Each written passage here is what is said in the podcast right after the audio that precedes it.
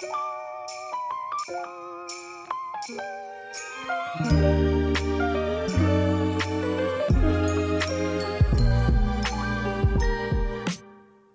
bij Roma Norte, de podcast die je wegwijs maakt als je het noorden wat kwijt bent en je begeleidt in je innerlijke reis naar persoonlijke groei. Ik ben Michelle Lippes van Drive Coaching en als selfcare expert en stress- en burn-out coach leer ik je te ontdekken hoe je veerkrachtig door het leven kan gaan. Ik nodig je uit op een avontuur waar zelfzorg, zelfliefde en zelfleiderschap jouw ankerpunten zijn. Dus, als jij nood hebt aan dat duwtje in de rug dat je voedt met moed, tonnen positiviteit en zelfvertrouwen, dan ben je hier op het juiste adres. Sta open voor nieuwe inzichten, zelfreflectie en aha-momentjes terwijl je luistert naar Rombo Norte.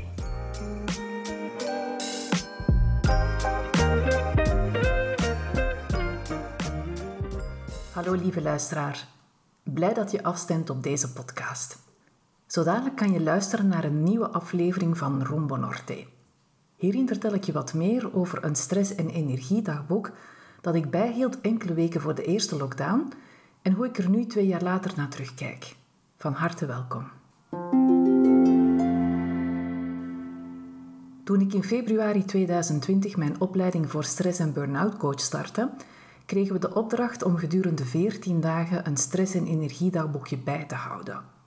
De oefening was heel eenvoudig. Noteer s morgens, s middags en s avonds met een score van 1 tot 10 hoeveel energie je hebt en hoeveel stress je ervaart. Ik had hiervoor een heel leuk notitieboekje voorzien en werkte bij deze de oefening netjes uit. Met de oefening zelf hebben we niet specifiek gedaan, maar we hebben wel een volledige dag besteed aan de talrijke manieren om stress te ontladen en wat bijdraagt aan het opladen van je innerlijke batterij. Het notitieboekje, dat belandde in een lade. En naar de scores die ik genoteerd had, heb ik echt niet meer gekeken. Tot onlangs. Ik was op zoek naar wat papier om enkele zaken te noteren en omdat ik niet onmiddellijk mijn schriftje vond, trok ik de lade open en grabbelde naar het eerste notitieboekje dat daar lag.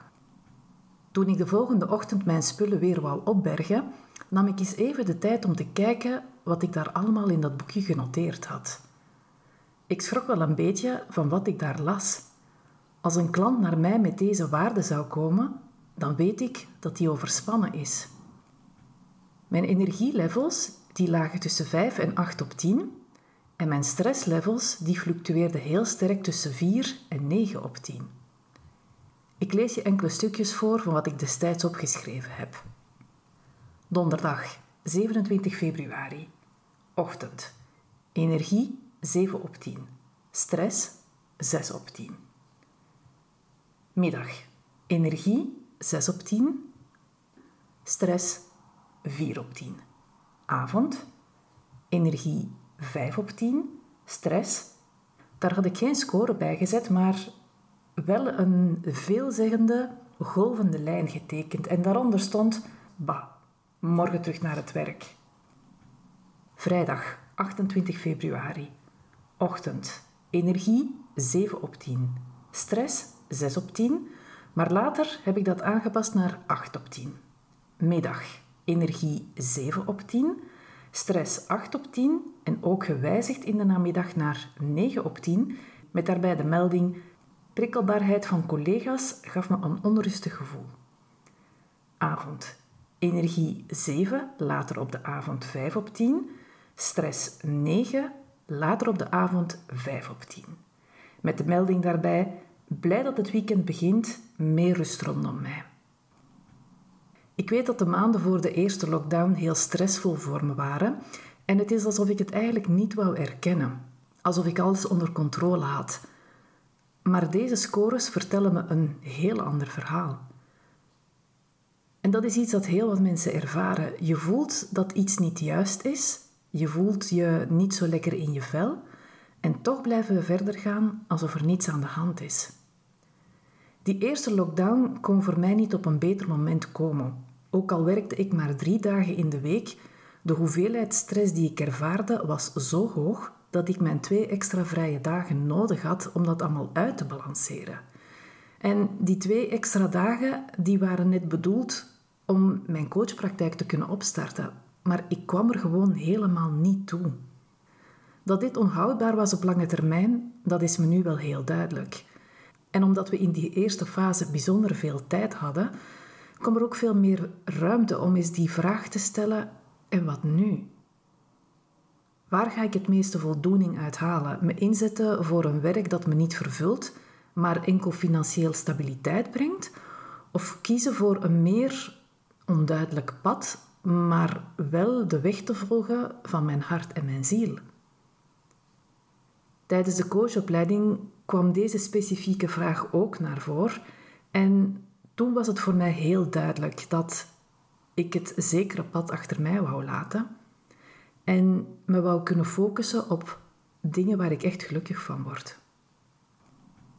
Ik had al eens diep gezeten in 2017, maar begin 2020 zat ik terug in overspanning en daar was ik me niet echt helemaal bewust van, tot ik dat boekje terug in handen had en wat gechoqueerd keek naar wat daar geschreven stond. Het terugvinden van die dagboek en deze gegevens nu te zien, maken me aan de ene kant trots en aan de andere kant alert. Trots omdat ik inmiddels al heel veel geleerd heb over wat stress met je lichaam doet en dat ik mijn lichaam nu ook veel beter begrijp. En alert omdat ik er nu echt voor kies om niet meer doof te blijven aan de signalen van mijn lichaam. Zoals Lou Hall zegt, It's not the load that breaks you down, it's the way you carry it. Vertaald, het is niet het gewicht waaronder je bezwijkt, het is de manier waarop je deze ballast draagt. Stress, dat hoort bij het leven en het heeft een zeer specifieke functie. Wat niet bij het leven hoort, is dat we in die modus van spanning en druk blijven hangen. Als er één ding zou zijn die je uit deze aflevering zou onthouden, laat het dan dit zijn. Het is noodzakelijk om de nodige rust of tussenpauzes te voorzien, zodat jouw lichaam kan herstellen van de druk of de spanning die een situatie met zich meebrengt. En dat is iets wat door heel wat mensen geskipt wordt. Net omdat de hersenen geen signalen ontvangen die aangeven dat het potentiële gevaar momenteel niet actief is, blijft het eigenlijk verder in deze staat van zijn van druk en van spanning. Bij een situatie die je stress bezorgt, ongeacht wat die situatie ook is, gaat je lichaam aan de slag met het aanmaken van stresshormonen. En zolang jij in staat van paraatheid blijft, ten aanzien van wat jouw stress bezorgt, blijft jouw lichaam deze hormonen aanmaken.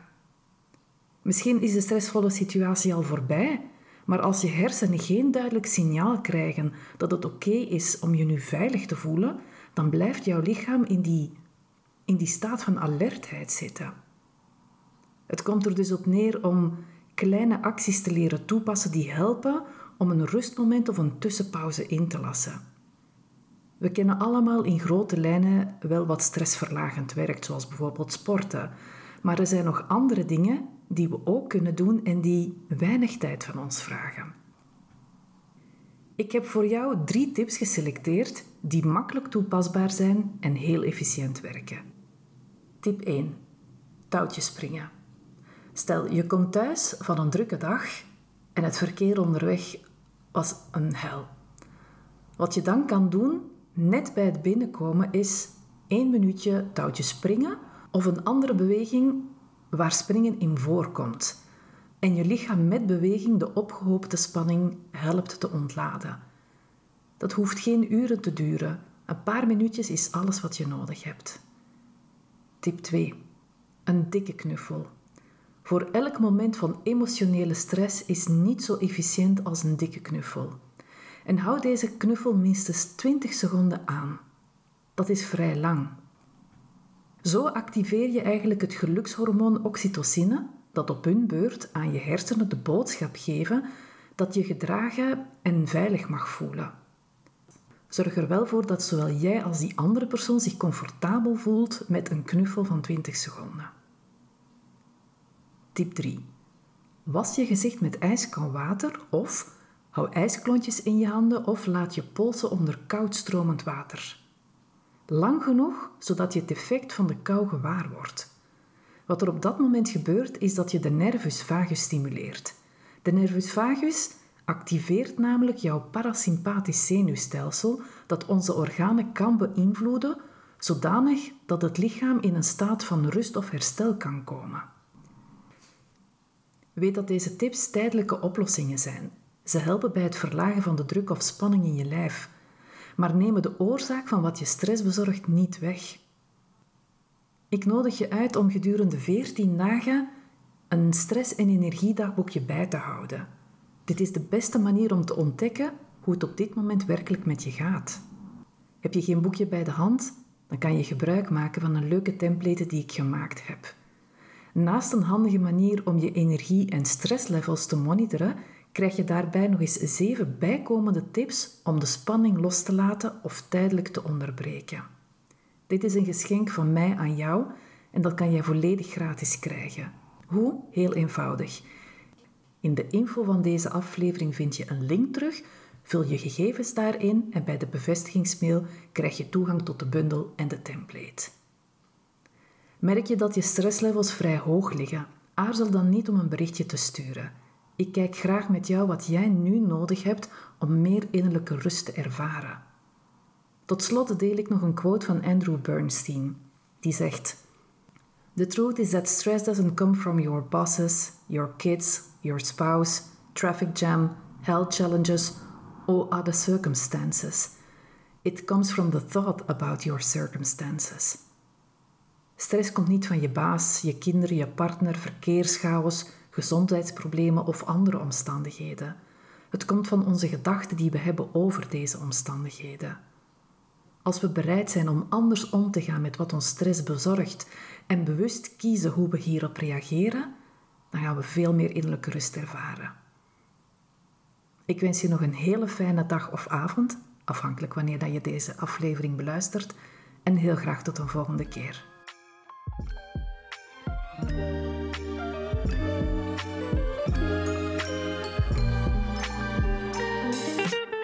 Super tof dat je luisterde naar deze aflevering van Rumbo Norte. Dank je wel. Werd je geïnspireerd door deze aflevering of ken je iemand die ook interesse heeft in persoonlijke ontwikkeling op een down-to-earth manier? Delen mag altijd. Laat een beoordeling of review achter op de app waarmee je naar deze podcast luistert, bijvoorbeeld iTunes. Het achterlaten van een review is heel eenvoudig. Scroll door naar beoordeling en recensie, geef een score en vertel waarom jij deze podcast leuk vindt. Zo maak je het mogelijk dat anderen de weg naar Rombo Norte ook kunnen vinden. Oh ja, en als je graag wil weten wanneer er een nieuwe aflevering beschikbaar is, dan kan je je abonneren op deze podcast. Ik wens je nog een fantastische dag en graag tot een volgende aflevering.